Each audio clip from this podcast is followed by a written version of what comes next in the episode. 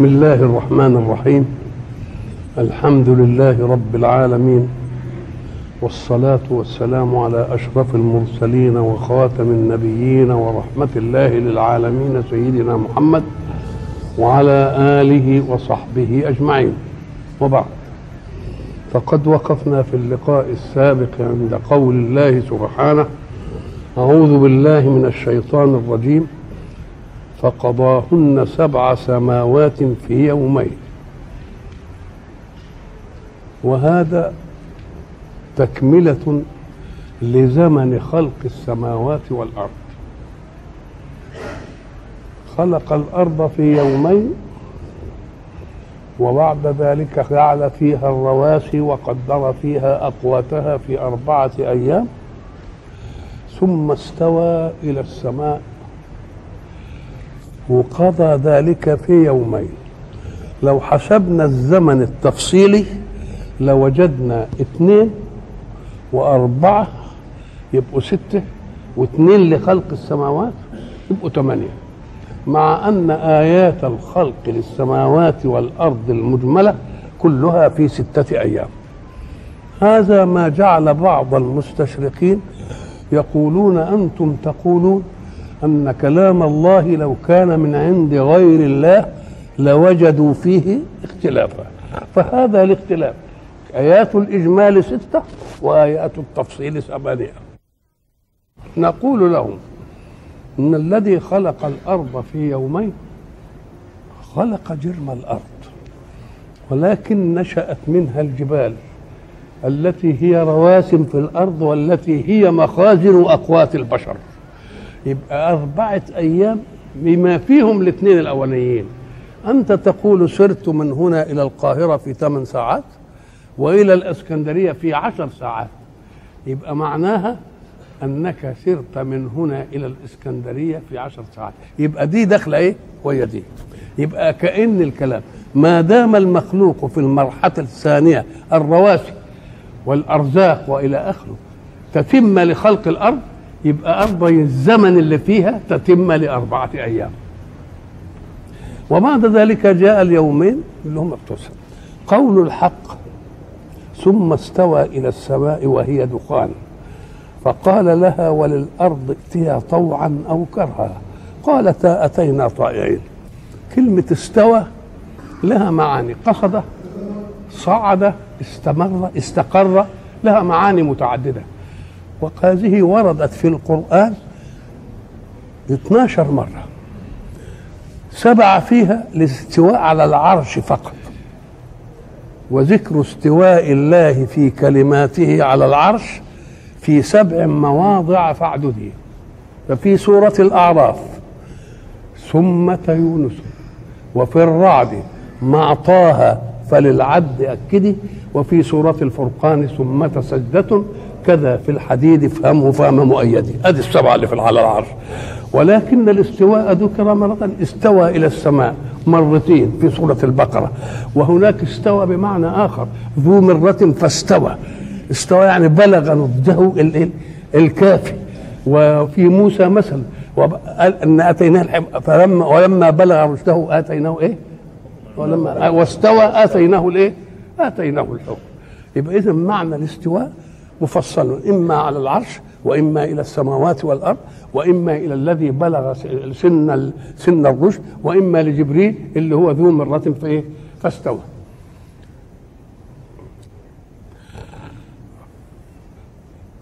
وهي دخان ما هو الدخان؟ هو الغاز الذي نعرفه من إيقاد النار يبقى النار لها جرم وبعد ذلك يجي الدخان يطلع والدخان بيطلع ليه؟ لأن النار حين نستوقدها تختلط بالهواء العام حولها فيدخل إليها هواء أكثر من الأكسجين اللازم للإيقاد زي لندن مشعلة لما لما لما نولعها يطلع لها إيه؟ يطلع لها الدخان بتاعها كده. فإذا صفيناها بوضع الزجاج الذي يحجز الهواء فلا يدخل إلى الشعلة يقوم تيجي نبقى نار صافية. يبقى ما دام هي دخان يبقى في حاجة تانية نشأ منها الدخان. قالوا الجماد واليابس نشأ مما تحت الدخان والدخان نشأ منه الإيه؟ السحاب. هذه مسألة الله يخبرنا بها لأننا لم نشهد هذا. ومن العجيب أن الذين قال الله فيهم قل أئنكم لتكفرون بالذي خلق الأرض في يومين بيتعجب إزاي كفروا؟ لأن التعجب من الكفر معناه أنه لا سبب للكفر. مسائل الإيمان واضحة تكفروا بها إزاي؟ وخاصة أنهم شهود على أنهم كاذبون في هذا. لماذا؟ لأن الشيئين الوحيدين الذين أرى الله سبحانه وتعالى حكى عن خلقه ولئن سألتهم من خلق السماوات والأرض. ليقولون الله. طب ولئن سألتهم من خلقهم؟ ليقولون الله. ليه اشمعنى اشمعنى الاثنين دول هم اللي خلقهم الله؟ وبعدين تكفرون به؟ طب ده أنتوا اللي قايلين نفسكم ان هو اللي خلق السماء وخلق الأرض وخلقنا. تكذبوا إزاي؟ ولذلك تجد في سورة البقرة يجعل الله سبحانه وتعالى في أسلوبه تعجب من الكفر. يقول لهم كيف تكفرون بالله؟ قولوا لنا الطريقة اللي أنتم كفرتوا بها دي إزاي؟ كفرتوا إزاي؟ فكأن العقل لا يستوجب الكفر وإنما العقل يستوجب الإيمان. فقال لها وللأرض ائتيا طوعا أو كرها. فحين قالت السماوات قالتا أتينا طائعين؟ عندنا بحثين. أولا كان الأصول أتينا أتينا طائعتين. لكن لما كانت الإناث أقل درجة في القوة. جعل الله الجواب على الذكران لأنهم هم الأقوياء. كأن اللي يعارض الطاعة إيه؟ إنه يكون قوي قال لك لا ده دول ذكور وطائعين كمان.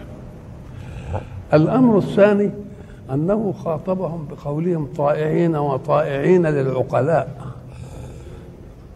أم قال لك لأنهم لما كانت السماوات أهلا لخطاب الله معها وللفهم عنه لأنه خالقها أجراهم مجرى العقلاء فقال آتينا طائعين. فقضاهن أي أتمهن سبع سماوات في يومين وأوحى في كل سماء أمرها. إحنا قلنا المرة اللي فاتت أن اللفظ يبقى مفرد. إنما معناه جمع. وجبنا آية إيه؟ وإن طائفتان من المؤمنين. كان القياس أن يقول إيه؟ اقتتلتا. لكن هم قال اقتتلوا. نقلها من المثنى إلى الجمع. ليه؟ لأن تقرير القتال للطائفة كلها برؤسائهم هم اللي قرروا. نقاتل ولا ما نقاتلش. إنما ساعة القتال مش الفريق ده بيمسك سيف واحد ويضرب ويا بعضه. كل واحد بقى بيقابل واحد يتقاتل ويبقى الجمع في المفرد. فقال اقتتلوا. ولما جه يصلحهم قال إيه؟ فإن بغت إحداهما على الأخرى فقاتلوا التي تبغي حتى تفيء إلى أمر الله. فإن فاءت فأصلحوا. قال بينهم؟ زي ما قال اقتتلوا؟ لا بينهما. لأن أمر الصلح لا يكون مع أفراد الجيش وإنما يكون مع القادة اللي هم بيصرفوا الأمر حربا أو سلما. فقضاهن سبع سماوات في يومين. إياكم أن تعرفوا أن الزمن مشروط للخلق. وإلا فالخلق ليس بعلاج نقعد يومين ولا أربعة ولا ستة. ده الأمر بكون ولكن هناك فرق بين الأمر للسبب أن يفعل وبين أن يفعل السبب. مثلا الواحد لما يحب يعمل سلطانية زبادي ما هي الحركة التي تصنع السلطانية؟ بيجيب لبن ويجيب حتة خميرة ويحطه في حتة وانتهت المسألة. إنما يقعد على ما يجي يبقى زبادي قد إيه؟ يقعد له 12 ساعة فالزمن للسبب وليس الزمن للمسبب. المسبب يأمر بالأمور وبعدين تاخد مجراها هي. تاخد يومين تاخد أربعة تاخد ستة وأوحى في كل سماء أمرها. كل سماء لها سكانها ولها نجومها ولها كواكبها ولها عوالم أخرى ما نفهمش. فأوحى في كل سماء أمرها يعني مهمتها التي تقوم عليها في حداية حركة الحياة. وزينا السماء الدنيا بمصابيح وحفظا ذلك تقدير العزيز العليم. السماء طبعا الدنيا دي اللي إحنا بنبشرها بنشوف فيها مصابيح ونجوم والمصباح يقاد من ضوء الشمس حين تنعكس. بس يدي ضوء حليم يعني ما فيش فيه ما فيش فيه حرارة. لأن الحق سبحانه وتعالى الذي خلق الخلق علم أن لهم زمنين. زمن للكدح والحركة والتعب وزمن للراحة والسكون. فالليل للسكون والنهار للحركة. ولا يمكن أن تتحرك حركة قوية رشيدة إلا إذا كنت قد استوفيت اولا نوما هادئا مستقرا. وإلا اللي ما ينامش بالليل ما يقدرش يعمل حاجة الصبح. الله. طب وبالليل دي هنقوم بعض الحركات لا تكون إلا ليلا.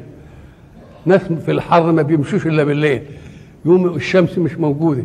أيتركهم في ظلمة يتقبطون فيها فيحطمون الأضعف أو يحطمهم الأقوى. لا أعمل لهم زي الون... زي ما إحنا بنقول والناس تونسوا. وبعد ذلك يهتدون بها إلى المسائل. وعلامات وبالنجم هم يهتدون الحق سبحانه وتعالى صنع ذلك لتصويب حركة الحياة لأن الله خلق الخليفة آدم وأمره أن يعمر الأرض وأن يعمر الأرض بما أعطاه الله من مادة وبما أعطاه الله من عقل يختار البدائل وبما أعطاه الله من جوارح تنفذ مرادات العقل. فأراد سبحانه وتعالى أن يضمن سلامة الكون مع نفسه. وأيضا فإن لها مهمة دي في المادة ولها وللنجوم مهمة في القيم.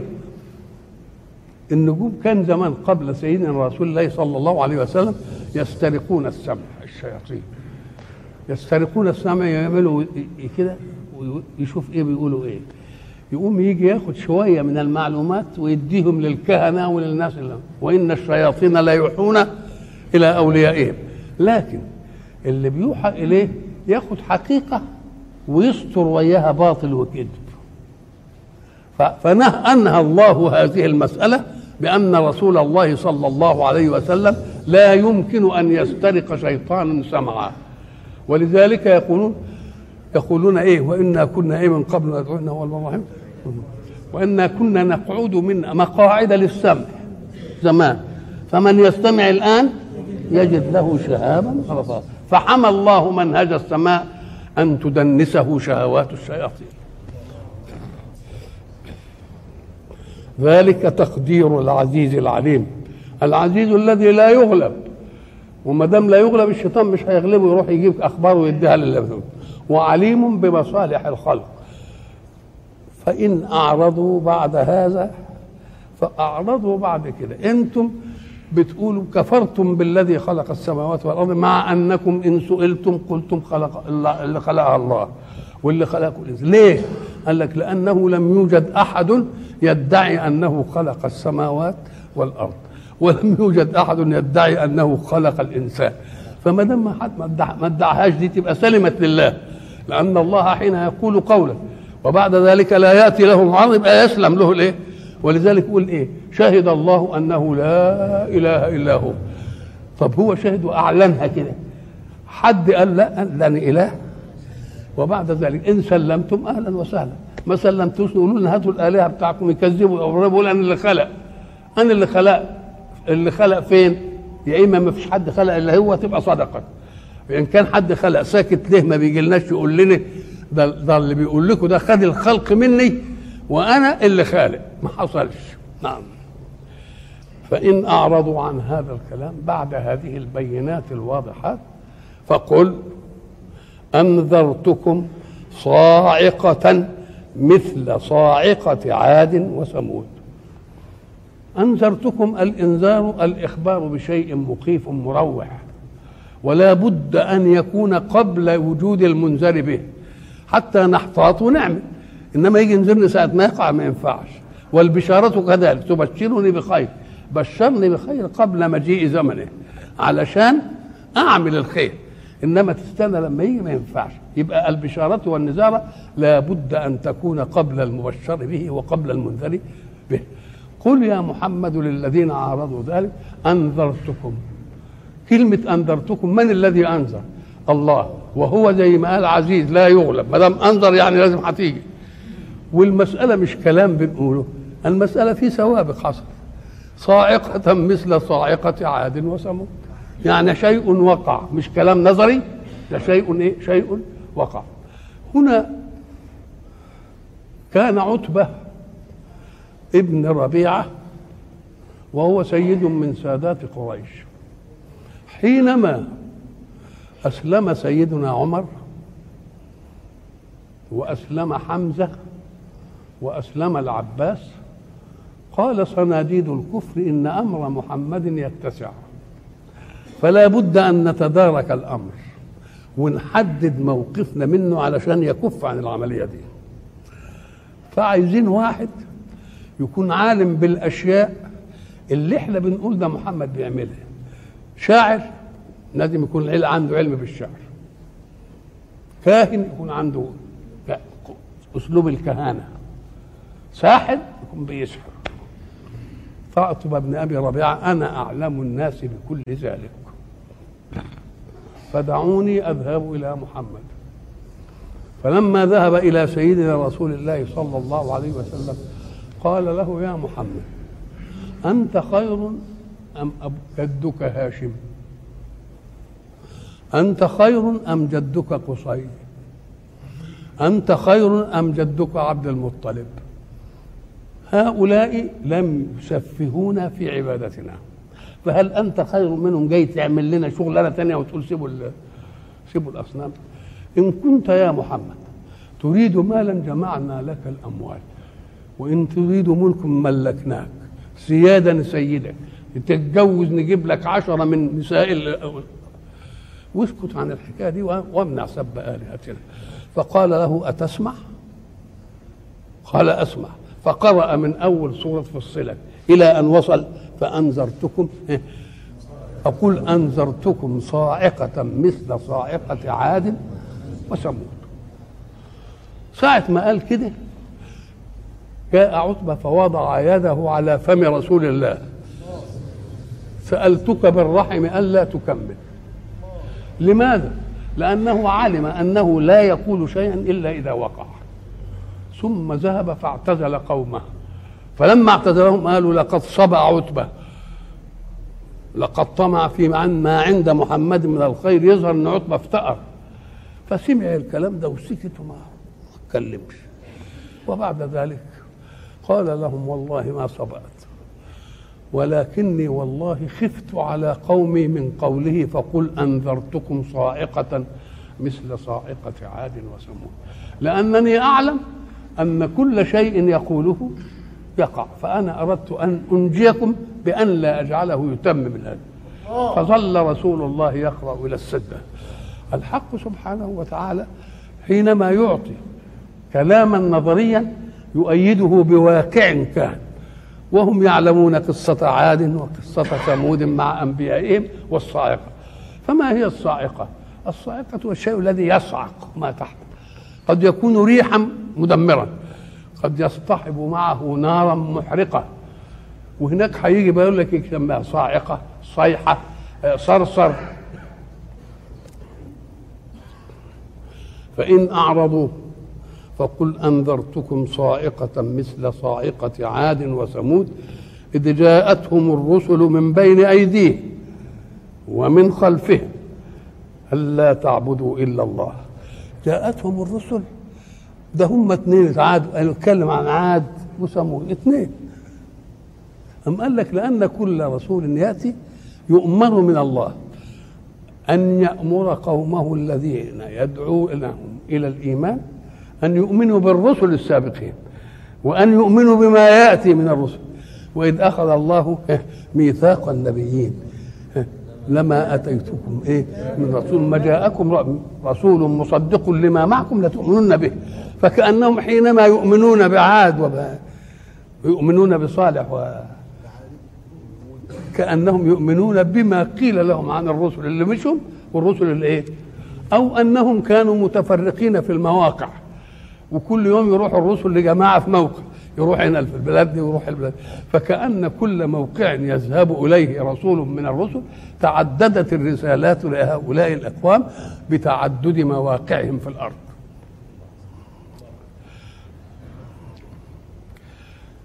إذ جاءتهم الرسل من بين أيديهم ومن خلفهم. قضية الإيمان الواحدة التي من آدم إلى أن تقوم الساعة.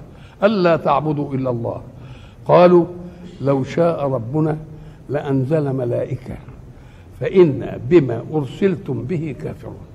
يعني أنتم بشر زينا ربنا لما يحب يهدينا يجيب لنا ملائكة. أغبياء. ليه؟ لأن الرسول جاء مبلغ منهج وأسوة سلوك.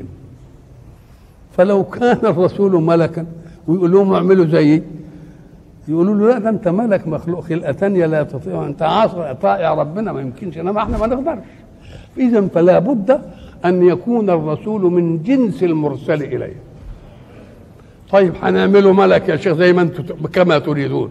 لو جعلناه ملكا أترونه على هيئة خلقته؟ مش ممكن. يبقى لازم نصوره بشر؟ وواحد راجل. طب لما نصوره بشر ما يشوفها هي هي. اذا الكلام بتاعكم ما يصحش لأن الرسول أسوة والأسوة لا تكون للبشر في في ملك إنما الأسوة تأتي من جنس في جنس. طيب تعلموا إنا بما أرسلتم به كافرون. الله أنتوا قريتوا إنهم مرسلين أهو. بما أرسلتم به. ما دام عارفين إنهم أرسلوا. إيه الوقفه بقى؟ طب ما إحنا عايزين بس تفهموا إنهم أرسلوا. الوقفه إيه؟ قال لك يجوز يقول إن بما أرسلتم كما تقولون بأفواهكم. أو أرسلتم استهزاء بيستهزئوا بهم. هو هو في, الحق سبحانه وتعالى لما بيحكي عن المنافقين لا لا تقولوا لا تنفقوا على من عند رسول الله. الله طب ما دام بتقولوا رسول الله إيه الوقفة بقى؟ طب أنتوا أنت اللي بتقولوا إيه؟ وبعدين فرعون برضه يقول خلق إن رسولكم الذي أرسل إليكم لمجنون. يا مجنون أنت اللي مجنون. لأن أنت بتقول أرسل وما دام ارسل إيه هي الحكاية؟ يبقى المسألة كلها الكفر جنون في جنون على جنون.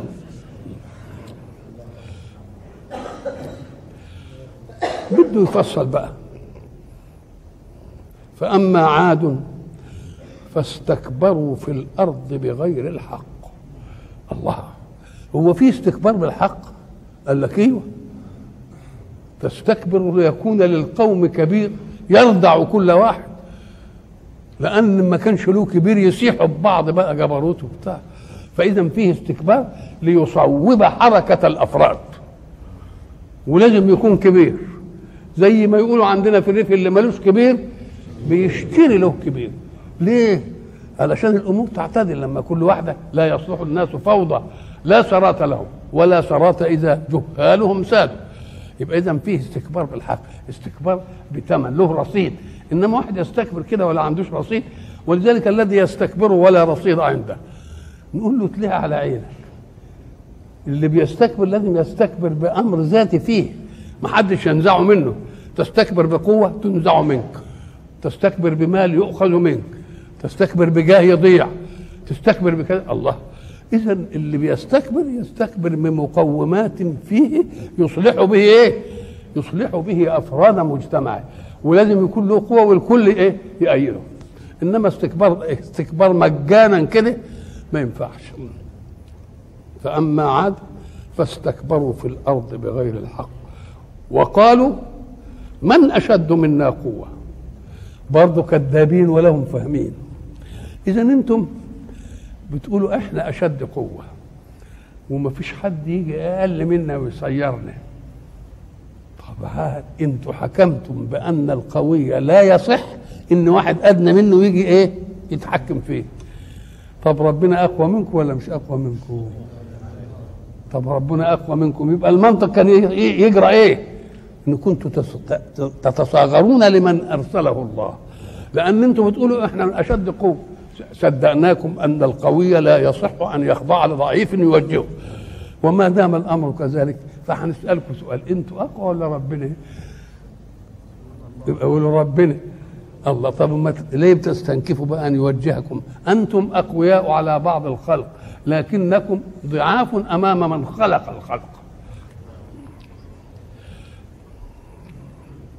وكانوا بآياتنا يجحدون. الجحد هو إنكار الشيء لجاجة إنما حقيقة وجحدوا بها واستيقنتها أنفسهم ظلما وعلوا. ده الجحد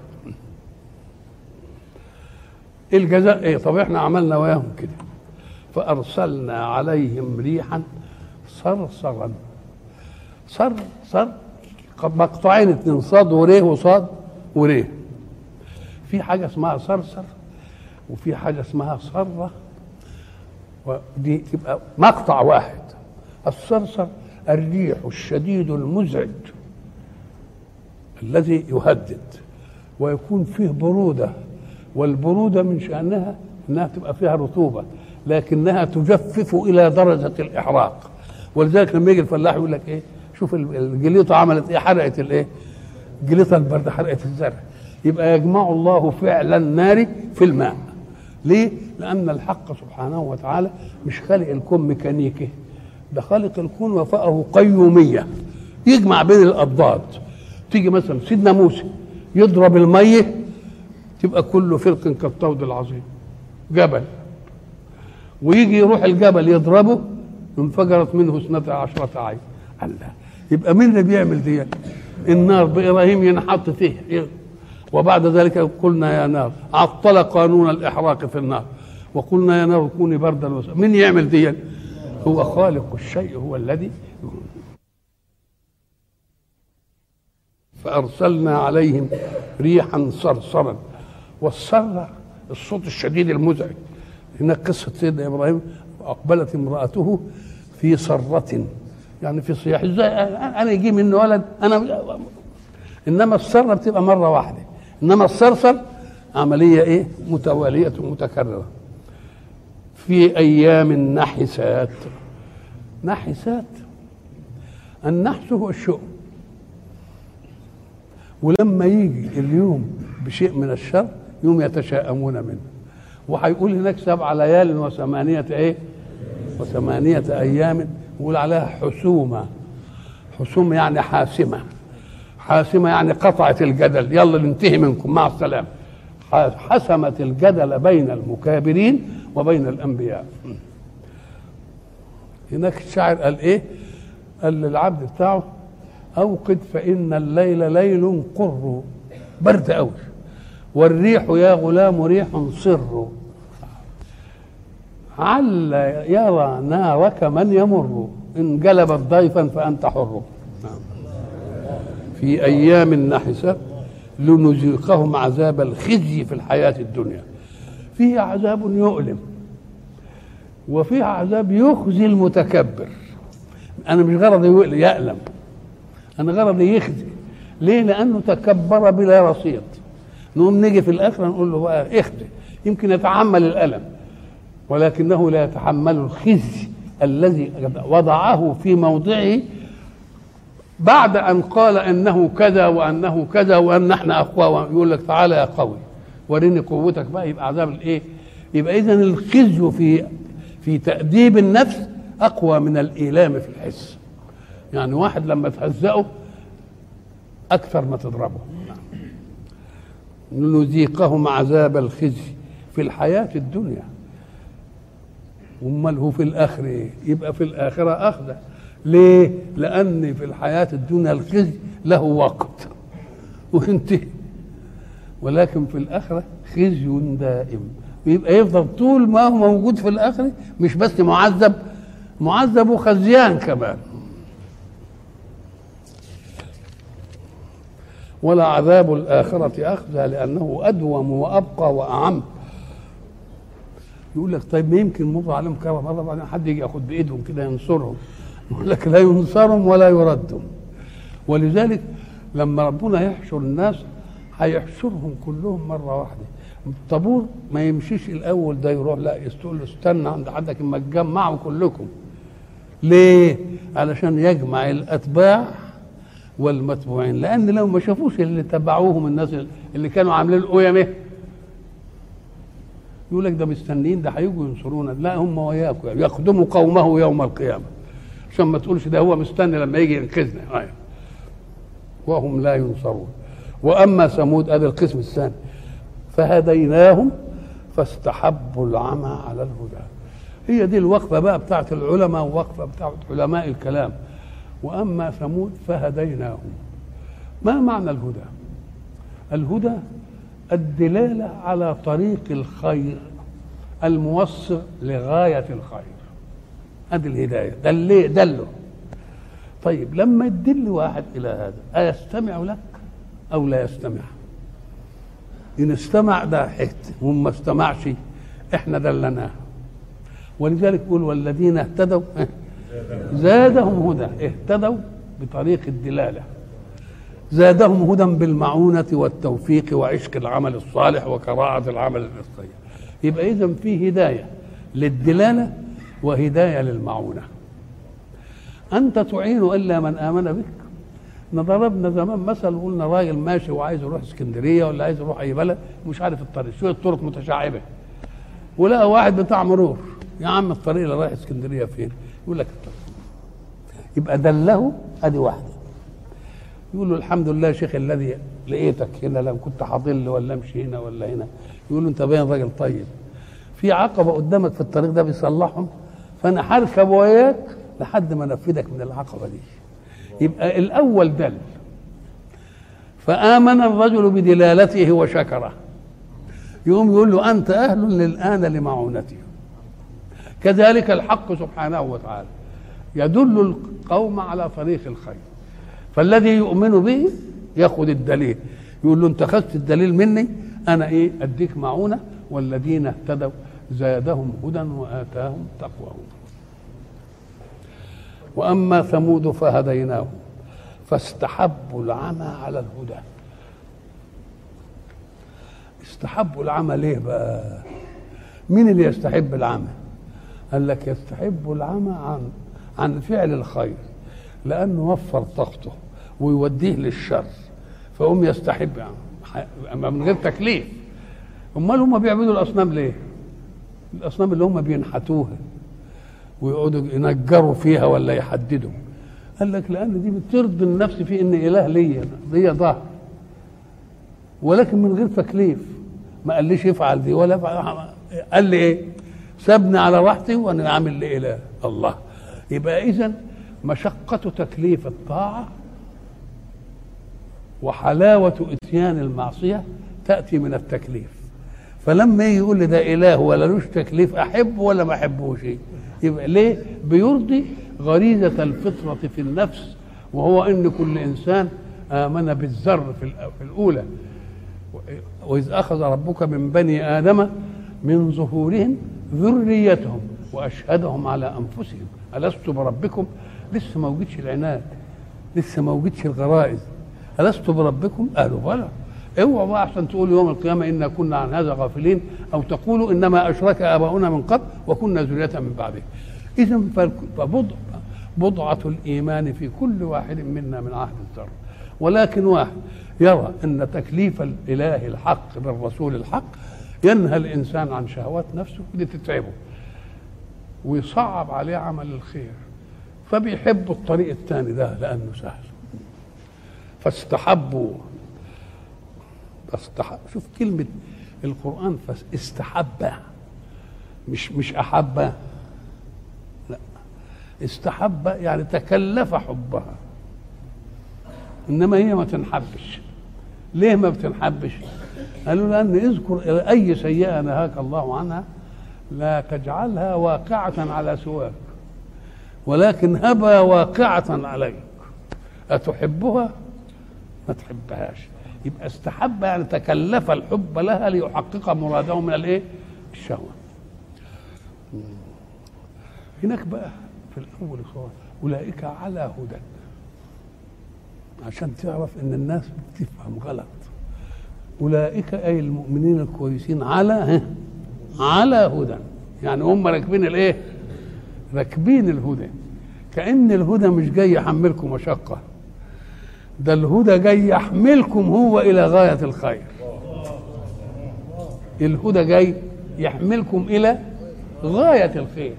أولئك على هدى. هم اللي مستعلين على الإيه؟ مش الهدى راكبهم بيقولوا لا أعمل أبدا. ده الهدى أنت راكبه علشان تروح لعمل الخير. يبقى خدمة ليك ولا مش خدمة؟ يبقى خدمة. ولذلك لما لما لما تمسك على في القرآن تجدها لازم بتعطي الحكم من باب القوة والفضل. يعني مثلا حين يقول الحق سبحانه وتعالى ويطعمون الطعام على حبه على. هي المفسر يقول مع حبه مع حب الطعام. نقول له لا مع ما تأديش إنما على حبه. لا يحب الإنسان الطعام إلا إذا كان جائعا. إنما ما كانش جائع ولا يبص للرومي إن كلها حتى بعيش وجبنة ولا الثاني ده له إذا متى يحب الإنسان الطعام؟ إذا كان جائعا. فبيقول لما يكون يطعمون الطعام على حبه يعني هم جعانين وعايزين يأكلوه. يبقى يدي ويؤثرون على أنفسهم ولو كان بهم طب إيه يعني على هنا؟ أم قال لك الجوع يطلب أن تأكل ولكن حب الخير والصدقة يعلو على ال... يعلو على حب الطعام. في حاجة ليه؟ لأنك قدرت الجزاء الأوفى عليه. وما دام قدرت الجزاء الأوفى عليه يبقى غلبت حبك للإيه؟ حبك للطعام. هناك الحق سبحانه وتعالى يقول إيه؟ الحمد لله الذي وهب لي على الكبر. مش وهبني مع إنك مع إني كبير لا. ده وهبك على الكبر. فكأن الكبر ضعف لا يقتضي أنك تنجب. خلاص؟ ولكن هبة الله علت على الكبر وتقول له إيه هات وأنجب يا زكريا يحيى. وهناك إيه؟ الحمد لله الذي وهبني على الكبر إيه؟ إسماعيل. يعني كأن الكبر ما كانش يجي منه. إنما هبة الله على على مين؟ على الكبر. وخلته كده وإن ربك هاي الايه كمان هناك؟ هم 13 آية. وإن ربك لذو مغفرة للناس على ظلمهم. فكأن الظلم كان يقتضي العقوبة ولكن مغفرة الله علت على الظلم.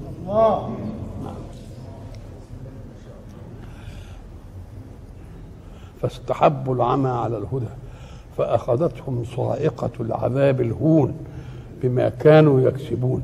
برضو الصاعقة الريح النار المصحوبة من من الريح الصيحة المدمرة. نعم. والعذاب الهون اللي بي اللي بيدي للإيه؟ الناس بما كانوا يكسبون. ونجينا لازم المقابل بقى.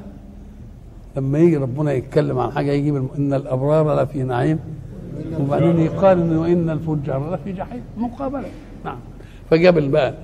ونجينا الذين آمنوا وكانوا يتقون.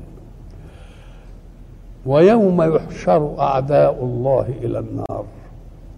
فهم يوزعون. الحشر جمع المختلفين. اجتمعوا كلهم. والمختلفين كانوا فيهم متبوعين وتابعين. زينوا لهم. ناس ضالين وناس اضلوا الغير. يبقوا لازم ويا بعض. لازم يجوا كلهم ويا بعض. بس لننزعن من كل شيعة. أيهم أشد على الرحمن إيه؟ نجيب الفتوات ونخليهم قدامهم كده عشان نقول لهم هم دول اللي كانوا بيغوكم والحشر جمع المختلف. جمع المختلف. الناس اللي كانوا مختلفين مع بعض في الدنيا وعمالين يحاربوا بعض. يعني كلهم ها؟ ويا بعض. انحشروا. طيب كويس. حتى الوحوش. وإذا الوحوش إيه؟ حشرت. الوحوش معنى وحوش ما بنستأنسهاش. أنا ما بستأنسش الأسد ولا السبع ولا النمر ولا التعبان ولا الأشياء دي. ربنا بده يقول لي إن أنا اللي بذلل لك الخلق. اذلل لك الجمل. إنما ما ذللتش لك التعبان اللي قد كده. يبقى أنت تستفيد من الجمل القوي ده لأنني ذللته. أولم يروا أن إيه خلقنا لهم مما عملت أيدينا أنعاما فهم لها مالكون وذللناها لهم. يعني إن كان بلا تدليل ما نقدرش نسيطر عليها ولا تأنسنا ولا تيجي ناحيتنا. الله. يبقى في اسم ولذلك إحنا بنقول إيه متوحش. ما بيدخلش ويانا في البيوت زي الفرخة وزي الأرنب ولذلك ربنا يضرب لنا المثل يجيب أضخم شيء ويخلي العيل الصغير ينخخ الجمل ويقومه ويحمله. وبرغوت قد كده اهو يجيني في الفراش يعرقني طول الليل ولا أنا عارف لا أمسكه لا من هنا لأن ربنا ما ذللوش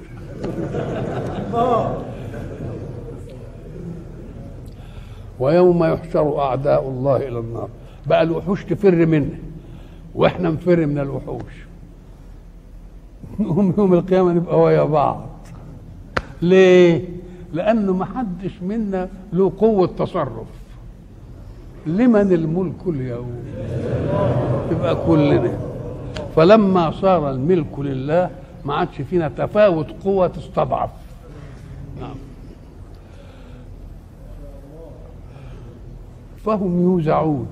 يوزعون يعني الطابور ماشي نقول له استنى لما يجي اللي ورا عشان تبقوا ويا بعض كلكم كده. نعم. حتى إذا ما جاءوها شهد عليهم سمعهم.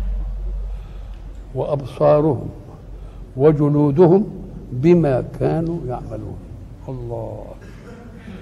السمع وظيفة الأذن والعين وظيفة الإبصار والأنف الشم والكف اللمس. الله.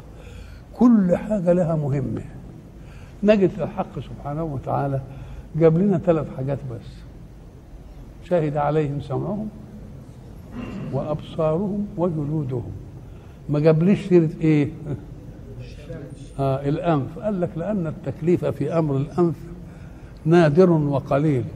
كأنك تلتز بريحه الخمرة كأنك تلتز بريحه واحدة متعطرة إنما ملهاش لكن السمع هو الذي تستقبل به الدعوة إلى الله. والبصر هو الذي تبصر به كون الله في عجائبه كلها. طب الجلود؟ قال لك الجلود دي هي العامة للسمع وللبصر ولكله. ليه؟ قال لك لأن الودن لها جلد والعين برضه لها جلد وبقية الجسم له جلد والمناخير لها جلد والذوق له جلد. جلد اللسان اللي بتمر عليه المذوقات. فكأن الجلد أعم شيء في الحس. ولذلك لما بحثوا في وظائف الأعضاء حبوا يشوفوا كل عضو إيه مهمته. وبنحس بالألم إزاي؟ أم قال لك أنت بتحس بالألم إزاي؟ نشوف كده. أم قال لك أنا إذا جيت وادوني حقنة حقنة لها إبرة الإبرة بيحطها في جلدي تؤلمني بقدر نفاذها من الجلد. وبعدين ما فيش ألم. الله. كأن الجلد هو محل الإزاقة. بعد ما تعبوا خالص وشوفوا إيه الألم ده بيجي منين. قال لك الجلد كله محل الإزاقة. وما دام محل الإزاقة يبقى هو مستوعب كل الجسم بما فيه الحواس الخمس كلها. ولذلك يقول الحق سبحانه وتعالى كلما نضج جلودهم بدلناهم جلودا غيرها ليه؟ ليذوقوا العذاب فكأن محل الإذاقة هو الجلد وإلى لقاء آخر إن شاء الله.